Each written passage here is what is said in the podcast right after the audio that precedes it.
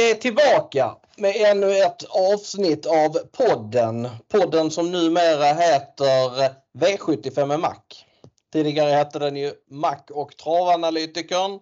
Men eh, för att göra en lång historia kort så är det så här att travanalytikern har bytt ombud och eh, efter mycket funderade fram och tillbaka så har jag kommit fram till att eh, jag kan inte ha en podd tillsammans med en konkurrent. Så att eh, till 99% så kommer det vara Niklas Kronberg som kommer vara vid, vid min sida i fortsättningen. Och så även idag. Så jag hälsar dig välkommen Niklas. Tack så mycket Marcus. Alltid trevligt att vara här. Denna gången så fyller jag i varje fall inte upp Kristoffers eh, stora plats här utan eh, jag ska försöka göra mitt bästa som vanligt och eh, ja, det ska bli spännande och intressant. Precis och det är V75 Åby, jackpot. Alla förutsättningar för att det ska bli stor utdelning. Eh, känner du att du har full koll på alla bitar nu inför morgondagen Niklas? Verkligen inte. Det är, alltså jag, jag, jag, på ett sätt älskar jag omgången för den är, ser, den ser jättesvår ut tycker jag. Eh, på ett sätt så är det ju ruskigt svårt att bena ut eh, avdelningarna här. Så att, eh, men, men det är en väldigt spännande och otroligt spelvärd omgång måste jag säga. Definitivt, för vi har ju en jackpot.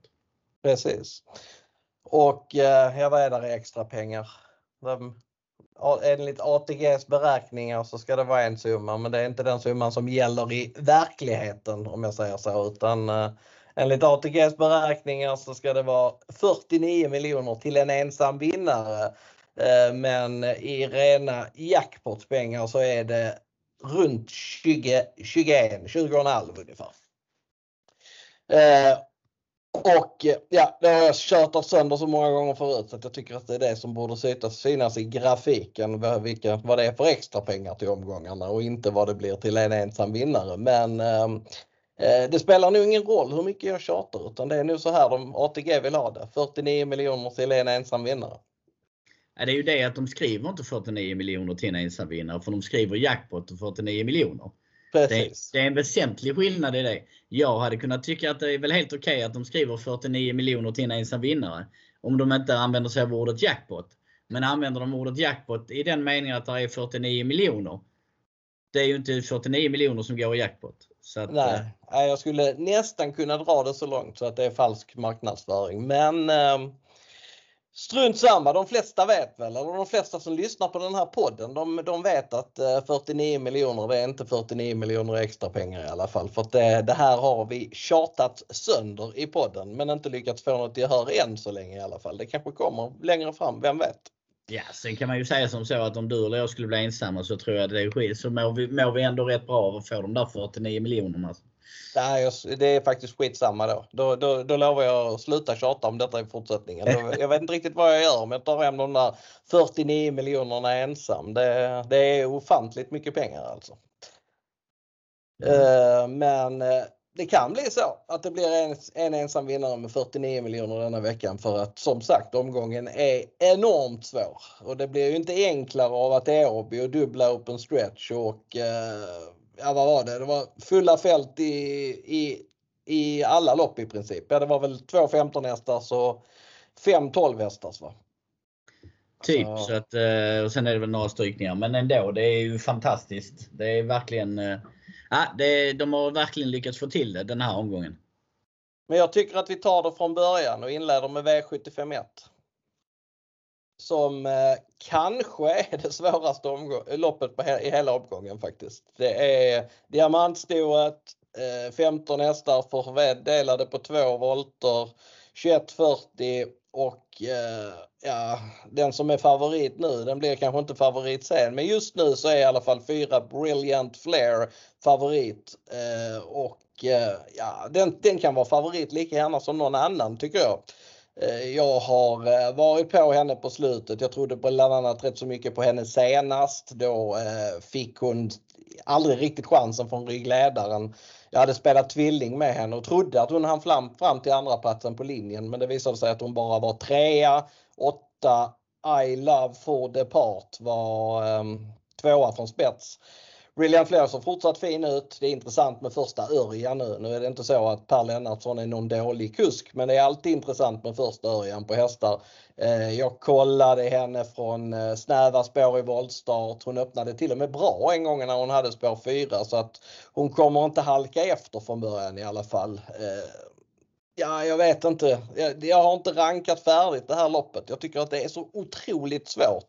Men hon är helt klart ett tidigt bud för mig och det känns lite som att favoriten i den här typen av loppen de, de spelarna spyr lite på dem och kanske rankar ner dem allt för mycket. Och så att jag är inte ens säker på att Brilliant Flair kommer vara varken favorit eller andra handare när det är spelat färdigt. Så att, eh, jag tycker att hon är tidig men eh, jag kommer knappast att spika i det här loppet. Jag kommer gardera brett, jag kommer sträcka allihop på en del system för att jag tycker inte att det skiljer jättemycket mellan hästarna. Ska jag nämna de hästarna som är sist på, på sträckan så är det dels nummer 10 Selma Ladej som det ändå var drag på senast. Då gav hon sig från spets men hon passar ju mycket bättre med en ryggresa och hon hade visat fin form innan dess. Så att hon är inte helt chanslös. Hon är inget tidigt bud men hon är inte helt chanslös.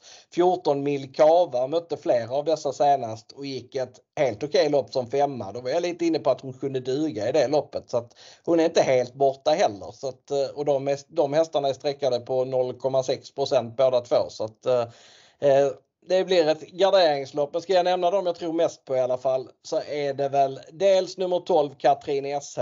Det är alltså Jeppson upp denna gången istället för tränare Marcus B Svedberg. Inget ont om Svedberg men Jeppson är ändå ett, eh, ett strå vassare.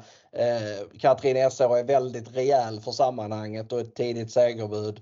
Jag tycker att Cascabella är ganska tidig. Eh, och flög fram senast var, var snacket efteråt. Tittar man på klockan så var det väl typ 14 sista fyra eller något sånt där. Så det var nog lite mer att de andra hästarna där framme stod still. Men Cascabella har jättebra form och med, med klaff på bitarna så kan hon duga. Eh, entrance nummer tre, den är startsnabb, borde sitta i spets tidigt, slog en del av dessa hästarna, bland annat 11 Felin Burger senast. Eh, från just ledningen. Jag tror att Entrance spetsar antingen själv eller så släpps hon dit med hjälp av stallkamraten 6 MT Tomorrow's Hope. Och Entrance är också ett tidigt bud, liksom 11 Felin Burgerheid som jag tycker den har svårt att vinna lopp men den brukar vara favorit. Nu är den skräll. Den är bara 6% och då tycker jag ändå att man får ge henne en chans till. Alltså det är, fartmässigt så räds hon ingen i detta sällskapet. Men äh, jag kommer in, försöka och sträcka så många hästar som möjligt i in, inledningen för att jag känner mig verkligen inte säker här. Har du då en spik Niklas? Det hade varit uh, perfekt. Eller hur, eller hur? Ja. Jag kan säga, jag har faktiskt inte bestämt första hästen men uh, det är två hästar när jag öppnade och tittade på listan och jag håller fast vid de två hästarna. Det är ett öppet lopp men uh, 11 för Lindborgarheide tyckte jag är totalt bortglömd på 6% Jag måste säga att det är jag, jag förstår det inte riktigt. Sen tycker jag att Katrin Esse borde vara favorit i loppet. Eh, så att de två hästarna är det som jag just nu har som första hästar. Sen i vilken ordning, det får nog lördag morgon eh, efter mitt morgonkaffe ta beslutet på. Men eh, Tittar man vidare i loppet så har jag entrance tidigt. Eh, även stallkamraten MT Tomorrow's Hope, den kan ju verkligen få lyfta med i rygg på ledaren till exempel. Det är ju en häst som kan bli lite het så som jag har sett det i varje fall. Och jag är därför väldigt tveksam till att den kommer att gå i ledningen. Utan det troliga scenariot är väl att om Entrance är tillräckligt eh, tidigt framme, vilket jag kan se det som, för jag tror att MT Tomorrow's Hope sitter i spets, eh, så får väl Anders Svanstedt ta över ledningen och då har han så ledaren och ryggledaren. Och, eh, ja, det, det, behöver inte vara fel att sitta i ryggledaren. Det vet ju du såväl som många andra. Så att, eh, Nej, jag, jag tycker det är lite halvspännande faktiskt. Så att, ehm, men ehm, ja, jag garderar på loppet och jag tycker vi har pratat mycket om de flesta här nu. Det enda jag vet är att Brilliant Flair, för mig är det fel streckfavorit i varje fall om man kan säga så. Sen är det klart en intressant Mörjan men det, ja, det ska den inte bli favorit på tycker jag. Nej.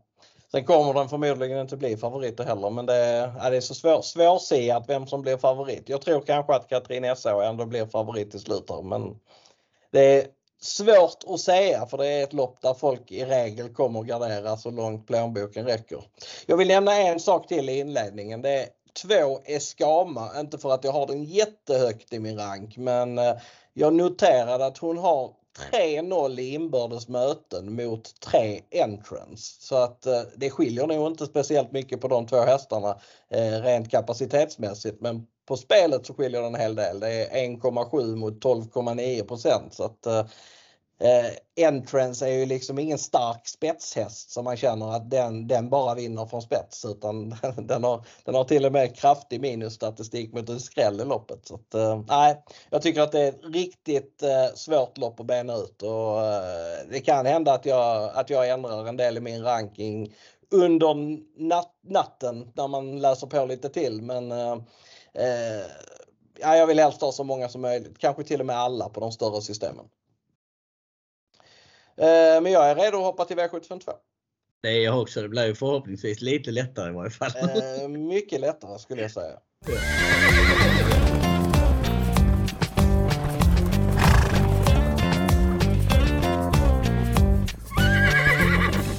V75 2 och det är alltså, eh, ja vad är det? Det är eh, klass 1 va? Och det är 2640 Auto och Eh, två hästar delar väl lite grann på favoritskapet här i nuläget. Fem Cassius Clay DE och fyra Chuck Meras. Nu tror jag dock att fem Cassius Clay DE kommer att bli ganska klar favorit när det är färdigspelat för att det verkar vara en häst som alla hamnar på den här omgången. Eh, dock inte jag, för att jag tycker att Chuck Meras är ruggigt bra faktiskt. Eh, jag har tjatat om honom varenda gång i podden på slutet när han har startat. Eh, jag trodde på honom näst senast när han vann. Eh, då kom han till ledningen efter 700 meter från just spår 4 bakom bilen. Sen trodde jag på honom senast också i finalen och då hade han i princip, ja all otur i världen skulle jag säga. Han eh, hamnade bakom det tråkiga hästar hela vägen för, och sen eh, i sista sväng så såg han väldigt stark ut som tredje häst i tredje spår. Jag är ganska säker på att han hade spurtat förbi dem faktiskt men då eh, stannade eh, vad heter den, Countess Face och eh, Colgini på, på stället i sista sväng. Och ja, det blev tvärstopp och Jacques Meras eh, felade. Det var, ja, det var ruggigt surt för jag tror att han hade vunnit det loppet. Nu låter det på Björn i Björnkollen i alla fall som att han vet vad som gäller. Det är liksom vad före Cassius Clay det är från start och det tror jag att han kan. För att jag sa det innan näst senaste starten att jag tror att det finns fler växlar att plocka fram från start i Jacques Meras. Och sida vid sida och att Björn som är extremt påläst, han vet vad som gäller. Han ska vara före Cassius Clay det är för då vinner han förmodligen loppet och det tror jag att han kommer vara också. Och sen tror jag att alla släpper. Jag tror att, eh, att de ska köra benchmark i spets på 2,6 det tror jag inte ett dugg på. Och Jollywood som det är lite sådär rapporter på. Även om de håller den högt så tror jag att de släpper med den också. Så att först fram och 4 och 5 för överta. Jag tror det är 4 och jag tror inte att Cassius Clay det är slår Jacques Meras utvändigt. Så att jag går emot strömmen lite här så som det verkar eh, när man har lyssnat på snacket under fredagen att alla ska gå på Cassius Clay det är. Då går jag på Jacques Meras istället. Så att, eh, det är eh, en av mina bättre spikar i omgången. Eh, den kommer jag gå hårt på. Garderar jag så är det ju i första hand Cassius Clay. Det är även Utah Southwind som man måste säga har fått en ruggig nivåhöjning och Stenströmer. Jag kan lägga in lite bakinfo på Utah Southwind och det var att som tvååring så snackades den upp något enormt i Halmstad. Den var hos en hästägare till Kristoffer Eriksson. Hon hade den själv på sin gård och han hade jobbat fantastiskt bra alltså och hon tyckte att den var alldeles för bra för att hon skulle ha den själv så hon flyttade den till Kristoffer. Kristoffer eh, han tyckte väl aldrig att det var någon riktig wow-känsla bakom hästen men den startade som tvååring och gick ganska bra. Sen flyttades den till eh, Frode Hamre i Norge eh, och gick väl okej okay utan att visa något extra. Men nivåhöjningen har den helt klart fått hos Stenströmer. Den var väldigt bra när den vann förra gången. Före Cassius Clay det är från eh, ett eh, svårt läge även då så att eh, den kan duga om det skulle bli körning mellan 4 och 5. Men den är lite för mycket sträckad för att jag ska vara helt nöjd. Det är 15 Det tycker jag är lite i överkant.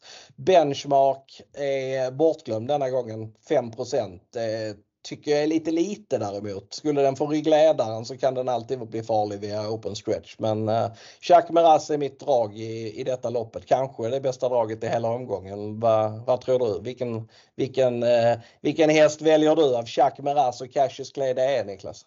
Ja, vi har landat på samma, vilket jag faktiskt misstänkte. Så att, uh, jag, jag tycker att Jacques Meras har imponerat stort. Uh, och uh, sist jag håller med dig, jag är faktiskt inne på att den hade nog vunnit det loppet. Och jag känner lite grann att allting nu eh, runt Cassius Clay det är, är ju att den satt fast sist och den hade vunnit loppet lätt sist och så vidare och så vidare. Men det, i, mina, i min värld så möter den Jacques Maras som jag tycker är en bättre häst faktiskt. Och faktiskt så tycker jag att Benchmark mycket väl också kan utmana alltså eh, Cassius Clay där. Så att eh, min rank är nog just nu 4, 3, 5. Eh, för så ser jag på loppet. Sen är det Utah Southwind men det är spår 12. Det är tufft att gå runt de här. Eh, det är inga duvungar direkt. Så att, eh, sen är det klart att lång distans gynnar den eh, självklart. Sen är jag lite nyfiken på upplägget från början. Vad gör Erik bakom Capitano? Mm. Det är ju en häst som trivs bäst i ledningen och ja, jag, jag har ju sett Erik köra från åttonde spår förr. Mm, jag tror inte att han är så snabb. Jag, han, han, jag trodde han skulle ha bra chans att hålla ledningen på, när han gjorde det på, på Jägersnäs senast. Men det var mycket beroende på att han inte mötte speciellt startsnabba hästar då. Det gör han visserligen inte nu heller. Alltså Jacques Meras och Cassius Clay det är inte hästar som är kända för att vara några startraketer. Men ja, det kan vara, du kan ha en poäng där. Han kanske, han kanske skickar han också. Men um, frågan är om eh, om Dante Colgini och Örjan Kihlström vill ha rygg på Capitano. Det... Nej men det, det, är lite det jag menar att det kan, det kan ställa till det lite här i, i, i eh, scenariot hur man tänker det. Men jag menar ju på att en häst som, just när vi pratar om klass 1 så är det ju ofta så att de hästarna som kommer att avancera en bra bit upp i klasserna de bryr sig inte riktigt för var de befinner sig. Om de får dödens hela vägen. De klarar den då så att säga.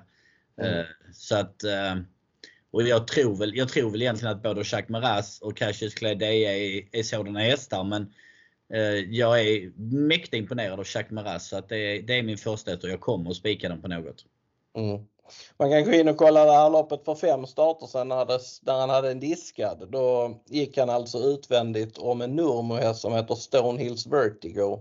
Och eh, ja, det såg ut som att Björn satt på leken faktiskt när han, eh, när han körde galopp eh, 200 kvar. Det var precis in på upploppet. Det, det loppet hade han aldrig förlorat och då hade han sprungit runt 13,5 full väg. Det är väl ungefär så bra som han är. Han vann på 13,5 full väg näst senast. Det känns som att han kan springa typ under 14, eh, 2,6 i spets och det, då borde han bli väldigt svårslagen. Men eh, där har vi ju poddspiken. Den är klar redan nu. Det känns skönt. Ja, det känns skönt att ha klarat av den när vi har fem avdelningar kvar. Precis, men vi hoppar till nästa.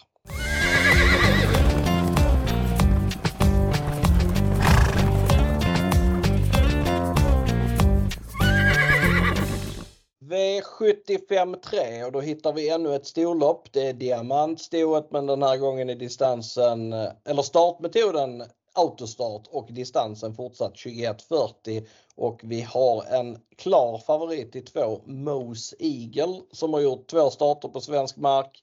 Var, eller två starter på sistone på svensk mark. Den har totalt gjort tre. Va? Eh, Eh, Eh, var eh, väldigt positiv när den vann på Mantorp. Jag hade 9,5 sista fyra och den eh, plockade ner en vettig berghäst, Albert Sonett, som sen gick ut och var väldigt bra när han vann. Så att eh, Mose Eagle är säkert väldigt bra för sammanhanget men hon var inte lika vass i starten senast. Framförallt så såg hon eh, konstig ut. Hon hade eh, sprang och bromsade och såg definitivt inte ut som någon segerkandidat i sista sväng för då såg hon slagen ut. Men sen kom hon tillbaka lite över upploppet. Eh, hon har bättre läge nu med spår 2 men hon är inte speciellt startsnabb. Jag kollade flera lopp från eh, Holland och Tyskland och någon snabbstartare är det absolut inte. Hon kommer dock få ett bra lopp denna gången men jag tror att hon passar bäst när hon slipper vara ute i spåren runt svängarna eftersom hon bryter så pass mycket. Så att, eh, och runt spåren lär hon behöva vara denna gången så att eh, sammantaget så tycker jag inte att det är någon speciellt stark favorit. Jag tycker det är många om budet även här. Eh, sträcker man åtta hästar så borde man dock vara helt trygg. Jag tror inte att eh, eh, vad heter han, Happakang, Happakangas duo 8 och 10 vinner och jag tror inte heller att Princess Kloster med Olof Thorsson och Mission Beach nummer 5, de, de, de fyra tror jag är mer eller mindre chanslösa men övriga åtta tror jag kan vinna loppet. Vem är då min första häst? Jo det är nummer 4 La Ferrari Dimanche. Det är alltså en riktigt bra spetshäst i grund och botten som tidigare var i träning hos Carl-Otto Göransson, har varit hos Rick Ebbing ett tag, gjort två starter efter vila. Jag fick eh, känsla för henne redan näst senast då hon återkom efter lång vila. Eh, hon sköt till väldigt bra sista biten då. Sen så avgjorde hon på ett bra sätt i senaste starten. Eh, plockade ner Bold Face den gången. Eh, det var inte sådär jätteimponerande på klockan. Det var 13 sista fyra men hon fick ännu ytterligare ett lopp i kroppen. Jag tycker att hon har en bra uppgift här. Eh, jag tror att tre Daytona Rock spetsar initialt men att LaFerrari Demanche är först framme för att överta. Jag vet att det är en del snack om att Stens retention är så jäkla startsnabb också. Eh, jag säger lite, jag vet, att, att hon är startsnabb det köper jag definitivt men att hon är så jäkla startsnabb det säger jag lite syn på.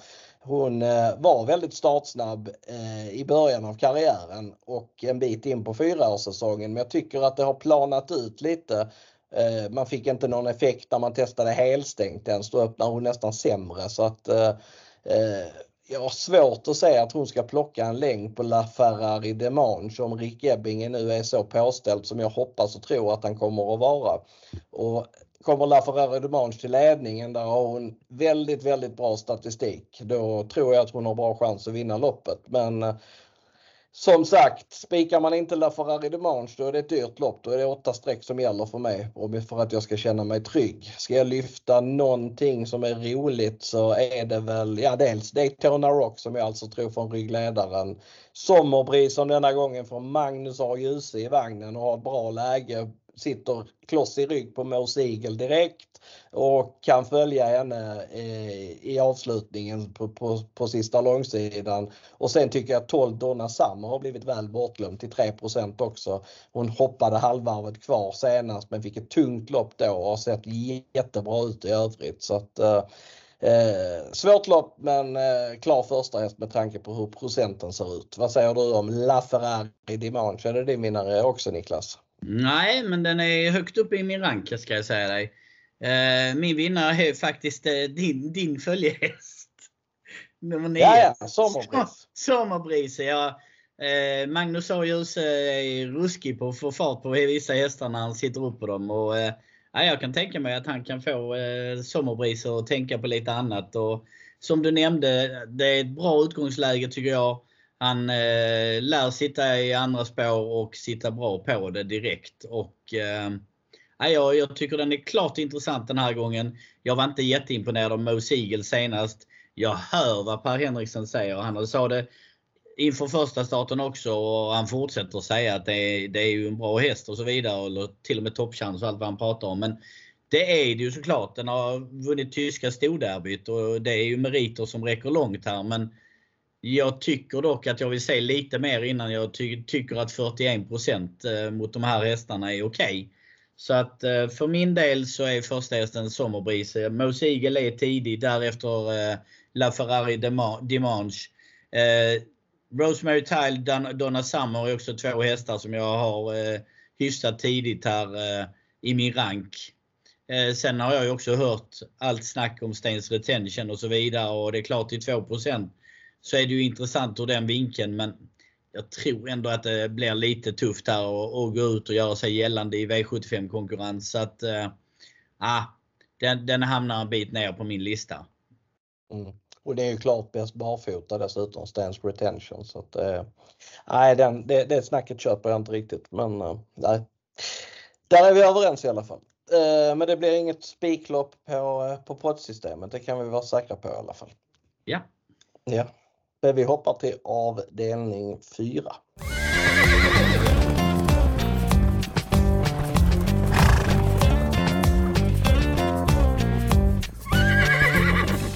V75 4 är vi framme vid och det är ett lärlingslopp, en spårtrampa vilket innebär att de hästar med minst pengar har eh, de bästa spåren och så vidare. Eh, det är 1600 meter autostart och en favorit i tre Warriors tale. Sett till kapacitet så är det väl inte alls fel. Han är eh, väldigt, väldigt bra de dagar han fungerar men eh, det kan man inte lita på att när, när han ska fungera och inte göra det så att säga. Nu har han, eh, kommer han från en galopp. Det var till och med dubbla galopper då. Då testade Kristoffer Eriksson att ladda iväg honom från början. Det blev lite väl mycket så, och ändade i galopp. Sen hoppade han igen halvvarvet från mål så att eh, han är strulig och man hör till och med på Adrian Colgjini att han litar inte ett dugg på hästen och tycker att han borde inte vara klar favorit eh, någon gång i princip. Eh, sköter han sig så kan det ju vara så att han kommer till ledningen och vinner men det är ju inte, det är ingen garanti att han kommer till spets för att fem farbror Melker är också väldigt startsnabb och eh, där borde Max Karlsson vara väldigt intresserad av ledningen så att eh, nej, Warriors del är inte första häst för mig. Eh, jag, lite, jag kanske har farbror Melker som första häst. Jag är inte riktigt klar än men jag tycker att eh, farbror Melker är en bra spetshäst. Jag tyckte att han imponerade när Erik vann med honom näst senast. Då gick han 14 och en full väg i ledningen och det var i princip så att han stod still sista 100 meterna då. På 1600 meter så borde han kunna springa en väldigt, väldigt bra tid. Eh, och kommer favoriten bort så blir det kanske inte mycket till lopp i heller för att det är inte någon sån riktig häst som skulle kunna sätta upp tempot. Ja det är väl i så fall nummer 11 DJ Bar som det snackas otroligt gott om om man lyssnar på snacket så behöver de inte ens köra loppet för då, då är han stenklar. Men det var ju ingenting som han visade i debuten på svensk mark senast. Då kom han till ledningen efter 600 meter men eh, han var ju slagen i ett tidigt skede och eh, tappade mycket sista biten in mot mål. Visserligen mot bättre hästar än vad han möter nu, eller i alla fall vinnaren var bättre än de hästar han möter nu. Det var Moses Boko. Men tvåa i mål i loppet var Kadabra Dream som, som är med här från spår 12 till exempel. Så att eh, äh, DJ Bar måste höja sig väldigt mycket om han ska vara aktuell här från spår 11 men äh, på snacket så är han ändå högt i ranken. Sen tycker jag att Dancing Days, jag hade hellre sett att den hade haft spår 9 eller 10 för att hon är bäst när hon inte behöver lägga någon speed från start. Men hennes avslutning senast den kan man inte klaga på direkt. Likadant där på klockan så var det inte speciellt imponerande. Jag tror det var 12,5 sista fyra men intrycket var ändå femstjärnigt. Sen har jag en megaskräll som jag har tjatat om jag vet inte hur länge och det är nummer 10 Bix Avalon. Det måste vara dags för eh, honom snart. Han eh, har gjort väldigt många bra lopp det senaste året. Eh, jag tyckte faktiskt att avslutningen senast också i ett lopp som blev helt felkört för hans del var bra. Jag hade 10-8 sista fyra och att han gick med bra fart över mål. Jag tycker inte att han är så mycket sämre än eh, flera av dessa hästarna. Så skulle han komma in i matchen så, så kan han definitivt skrälla till 1% Jag rankar honom femma just nu. Jag tycker att han är klart intressant faktiskt. Har du någon skräll att bjuda på i, i det här loppet? Niklas? Nej, det har jag väl, eh, men det är inte så förstest. Men eh, jag, jag, jag tycker inte man ska glömma bort nummer 8, Barbaris. Det är ruskig stallform hos Hans R Strömberg. Och, ja, jag tycker ändå att även om utgångsläget inte är lysande och det är kort distans så ja, man ska inte glömma bort den i varje fall. Den, den får plats på mina system. Um, Tittar man på loppet i sig så har vi faktiskt hamnat på samma första häst, nummer 5, Farbror Melker, som det låter på dig i varje fall. Eh, jag tycker att den gjorde ett jättebra lopp med Erik. Eh, jänkarvagn nu, vilket jag eh, tycker att den har gjort sina bästa lopp i. Så att bara det att den var tvåa sist med vanlig vagn, det tycker jag visar att den håller väldigt, väldigt bra form. Och ja, jag, jag, tycker att det är viktigt att ha form i det här loppet och den, den tror jag väldigt mycket på. Jag kommer med Warriors Tale såklart tidigt men det är ju en häst som du varnade för förra gången och då var den inte sträckad så mycket. Helt plötsligt nu är den stor favorit. Och jag menar vad hände från förra starten till denna starten? Jo den galopperade. I övrigt så var det inte så mycket som hände. Um, jag, jag hör ju på Adrian att han menar ju på att kapaciteten är hög. Men det är ju inte så att han han, han, det, det låter verkligen som att han tar ju inte ut någon seger här i förskott. Det kan vi lugnt säga. Så att jag kommer att gardera på det här loppet lite grann. Och eh, även nummer 11 DJ Bar, jag har ju sett samma, eller hört samma saker som du. Att det är ett väldigt bra snack på den. Och precis som du säger så är det ju så att eh, om man ska gå på snacket så, så är det, går den ju inte att slå så att säga. Så att, eh, men så var det ju senast också. Och det, bevisligen så gick det. Så att, eh, jag garderar på loppet men först hästen är nummer 5 Farbror Melker. Mm.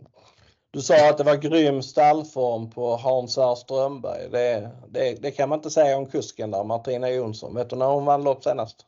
Ja, det hörde jag faktiskt eh, när hon körde en favorit häromdagen. Eh, men ja. lite. Jag kommer inte helt ihåg, men det har du koll Det var augusti 2022. Jag tror hon körde, hon kört runt 70-80 lopp utan att vinna och sånt där. Det, det, men hon var ju tvåa när hon körde den här favoriten i veckan så att hon är väl inte helt, hon är väl inte helt iskall men uh, jag ville bara nämna det. Ja, men det är väl värt att nämna. Eftersom jag hade det så. Vad sa du? Ja, det är väl värt att nämna. Ja, jag hade det så färskt i minnet. Så att, nej, men jag kan säga att det här loppet är också ett sånt lopp där det skulle kunna bli en, en skräll som vi inte har nämnt. Alltså jag tycker att två Nocturnally, den är, den är chanslös. Men eh, övriga 11 skulle jag kunna säga vinna loppet faktiskt. Det, men jag kommer väl försöka att hålla mig halvkort här på en del system med 3, 5, 6, 10, 11. Då tror jag, jag har hygglig chans, tror jag att man har hygglig chans att klara sig. Men eh, det kan bli 11 hästar på någon lapp. Eh, enligt spelarna så kommer vi snart till ett lopp där eh, ja, de tycker att det är det lättaste loppet att bena ut för där hittar vi omgångens största favorit. Är du redo att förflytta dig dit Niklas? Ja, vi tar oss och ser om vi kan bli biljonärer. Ja, precis.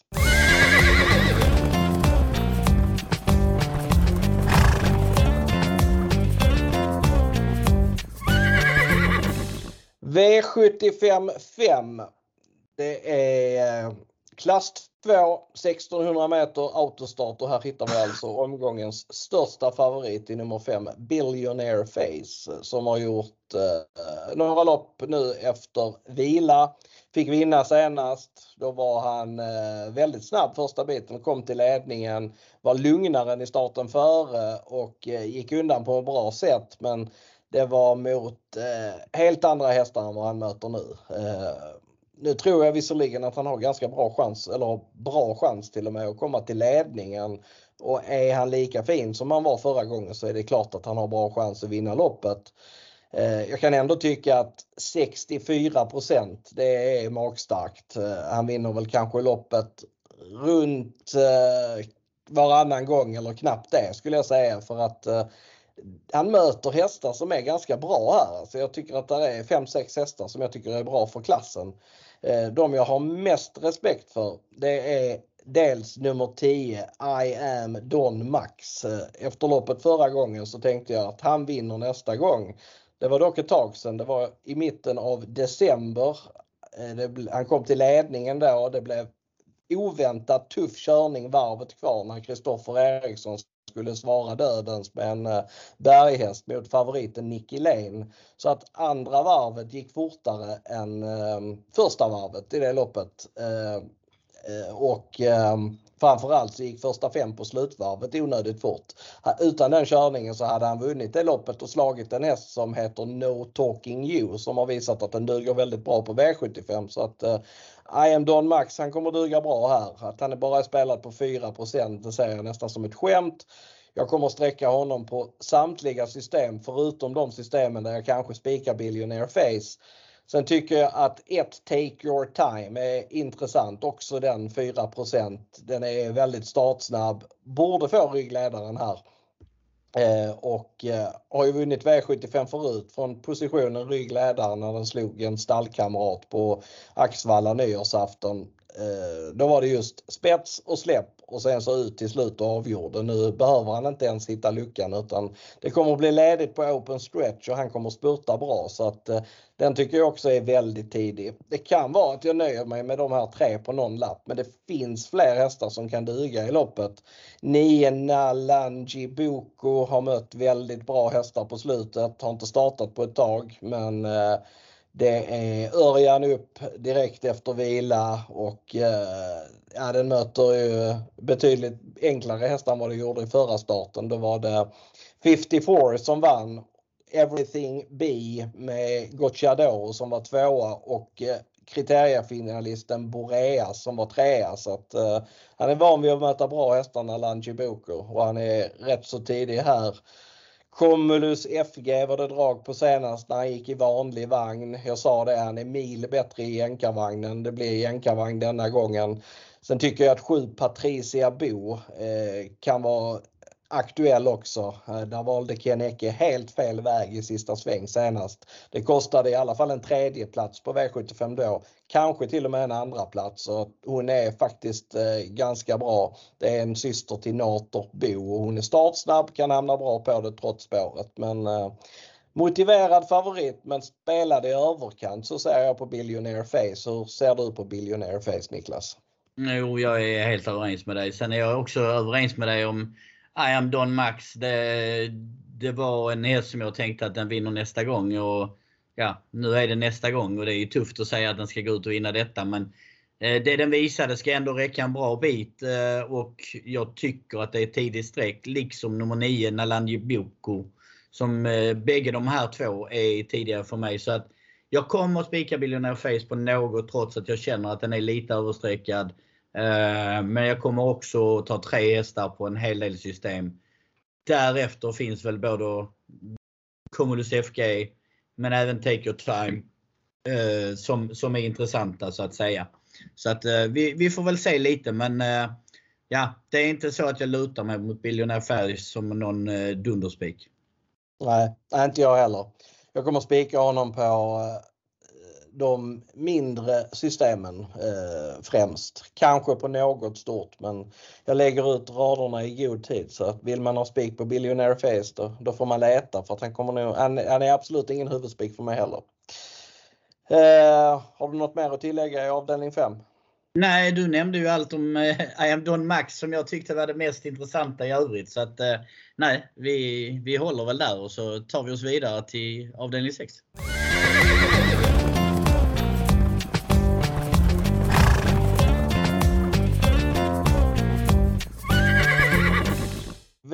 V75 6 är vi framme vid och det är STL Champions heter loppet numera.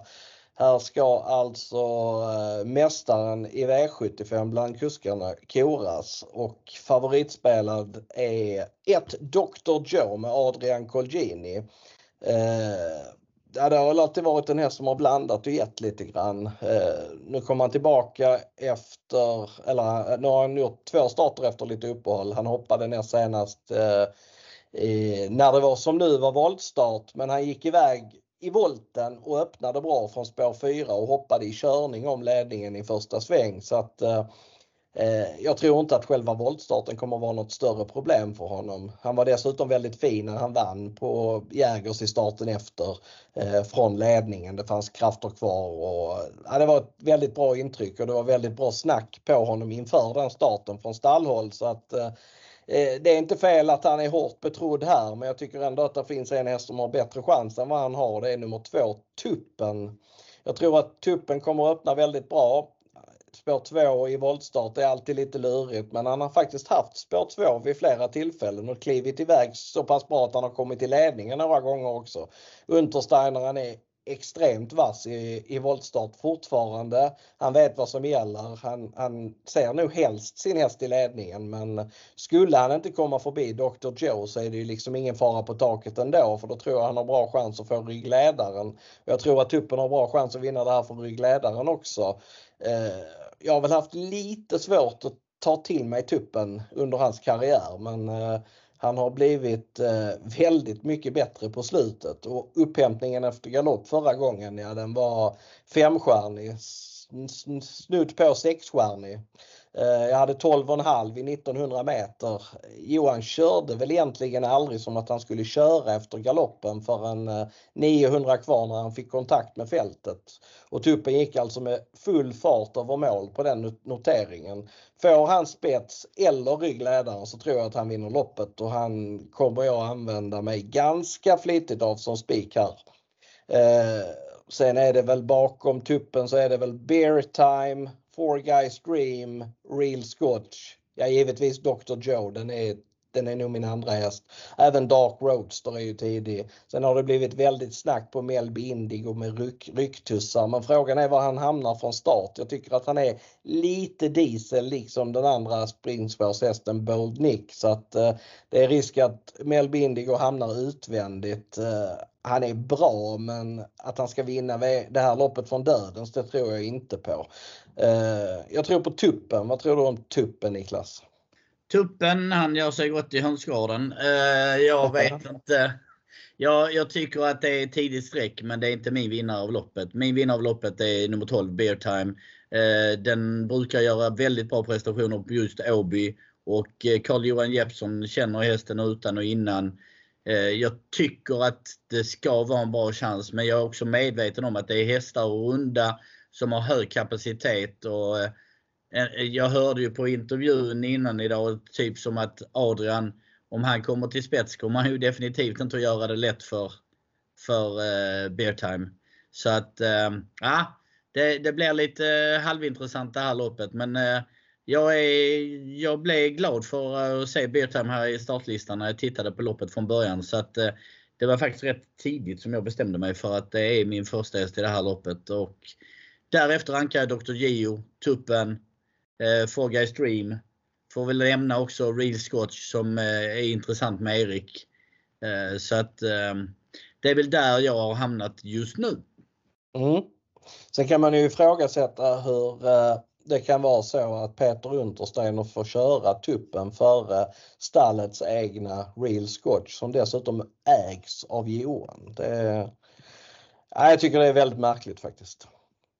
Det, det, borde inte få vara så. Nu är inte Peter tränare i stallet men han är ju så gott som tränare bredvid, bredvid Johan. Han borde inte få köra emot stallets häst, kan jag tycka. Ja fast det kan ju gälla många som då är anställda i stallen och som sitter och kör emot sitt eget stalls hästar. Om man har två lärlingar i stallet till exempel och, och, och du har någon som sitter upp på en av stallets hästar och den andra har en annan häst att köra i loppet. Så... Fast det är en lärling Nej, det är han ju inte. Det är inte så. Jag, jag förstår din tanke, men jag bara menar att det, det, det skulle göra om, göras om rätt mycket i regelverket i så fall. Så är det. Det håller jag med om. Eh, du tror på beer time, jag tror på tuppen. Då har vi kanske ett lås där på poddsystemet. Det är i alla fall ett intressant sådant om vi väljer den vägen. Eh, V757 kvar. Jag tycker vi hoppar dit. Då tar vi oss dit.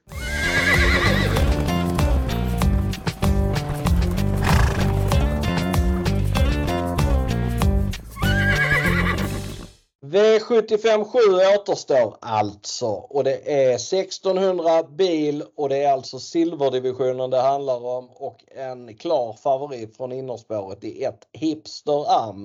Nu är det inte så att Hipster Am vinner sådär jätteofta numera. Han har ingen seger i raden. Han vann eh, två av elva förra året men han har i alla fall helt rätt uppgift här. Eh, går man tillbaks och tittar senast han hade innerspår så var det på Bergsåker i november. Eh, jag trodde att han skulle hålla ledningen då och det gjorde han också och det såg ut som att han hade avgjort spetsstriden men sen kom Filippa BE med en otroligt hög fart efter 100 meter och tog sig förbi. Nu möter inte Hipster Am någon eh, häst av eh, Filippa Beis eh, kapacitet från start här. Eh, jag vet inte riktigt vem som skulle kunna vara aktuell att ta en längd på Hipsteram.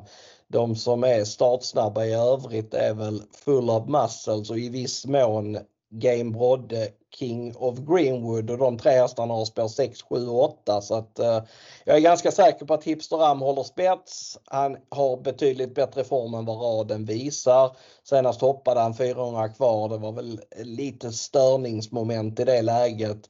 Gången innan hade han haft chans att vinna en V75 final med bättre klaff på bitarna som eventuellt 43-åtsare och eh, Innan dess gick han också bra så att han har väldigt bra form Hipsteram. Jag köper hans favoritskap. Jag köper kanske till och med nästan eh, procenten på honom. Han har hög chans att vinna loppet. Eh, jag tycker att hans vinstchans speglar nästan Billionaire Face vinstchans i avdelning 5 och då är det 43 på Hipsteram och 64 på Billionaire Face. Så att, eh, eh, ska jag välja någon av de två som spik så väljer jag Hipsteram. Med det sagt så kommer Hipsteram bli spik på en, en del system hos mig.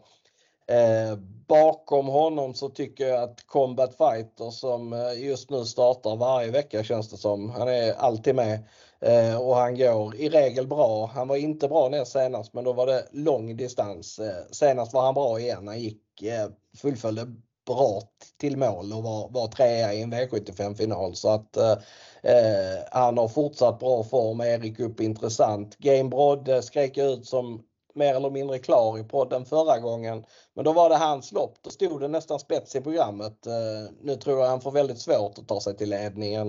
Eh, hans chans ligger nästan i om eh, Hipster Ram skulle göra bort sig. Då tror jag han kommer till spets. Eh, men han är betydligt mer påpassad denna gången eh, och inte lika intressant nu. Eh, Dodge As nummer tre. Den är ju otroligt svårbedömd. Har bara gjort e- en start för eh, Adrian. Hoppade då. Eh, gick okej okay efteråt. Eh, men han skulle kunna vara väldigt förbättrad med ett lopp i kroppen.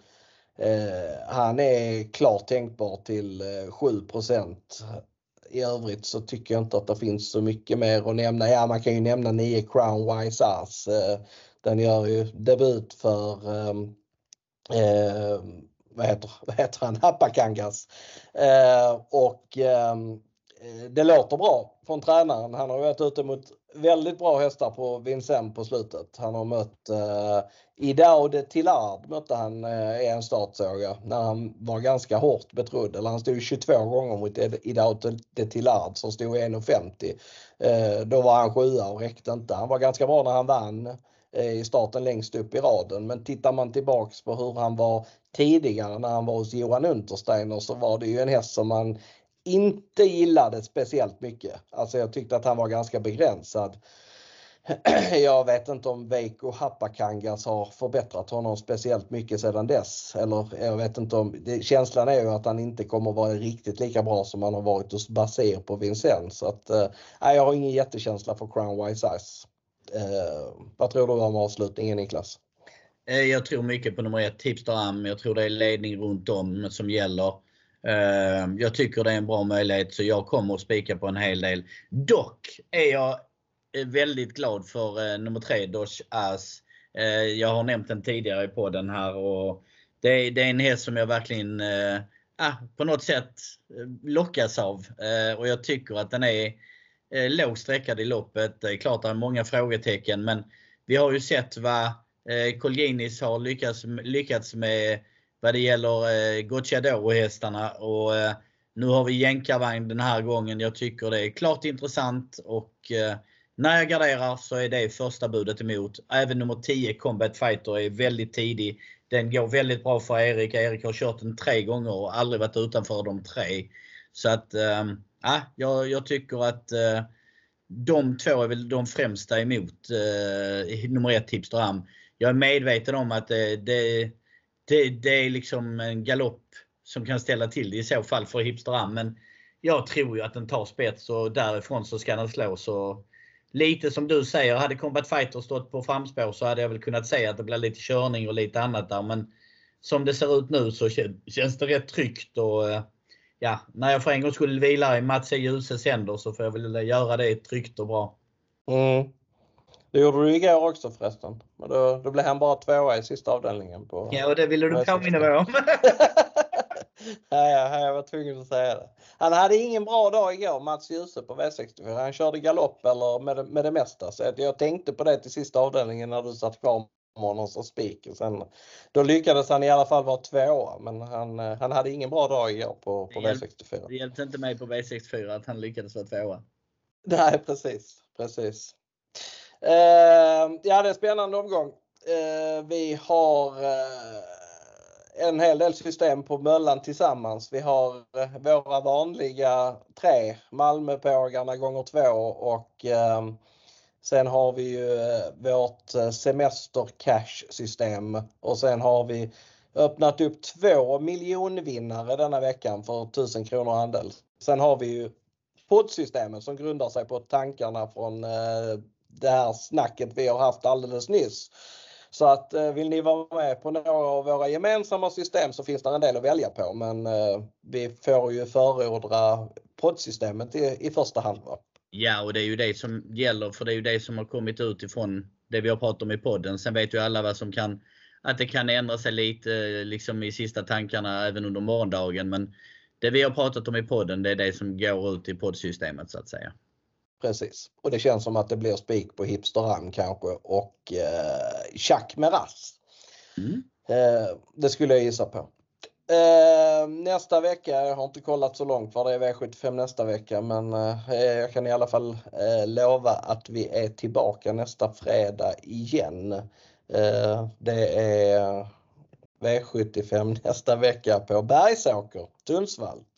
Eh, och då är vi tillbaka som vanligt på fredag. Eh, jag hoppas att alla har gillat det ni har hört i dagens program eh, och jag tackar dig Niklas för att du har varit med. Jag tackar alla lyssnare för att de har lyssnat på oss. Eh, så ses vi igen nästa vecka. Det gör Du vet vad, jag kommer att tänka på en grej. Jag vet att du har nämnt det lite grann men jag måste faktiskt nämna det. Vi har ju lite V4 system och sånt här som vi också har inne på Möllan. Eh, och jag tänkte att det är faktiskt rätt så relevant att kunna nämna det att du har ju ett system där bland annat som heter eh, Mac Mini. Och det har, det har ju gått fantastiskt bra eh, för de som har varit med i det systemet. Alltså jag, jag måste säga att jag har varit klart imponerad över det. Så att, jag måste ge dig lite reklam för det systemet. Det, det har verkligen imponerat på mig. 17 kronor, så det är ingen dyr investering om man ska vara med på det. Nej, definitivt eh. inte. Det är, det, är det, jag, det är det jag är imponerad över. Ja, precis, precis. Men du, eh, tack för berömmet så hörs vi igen nästa vecka. Ha det gott! Ja, hej! Hej!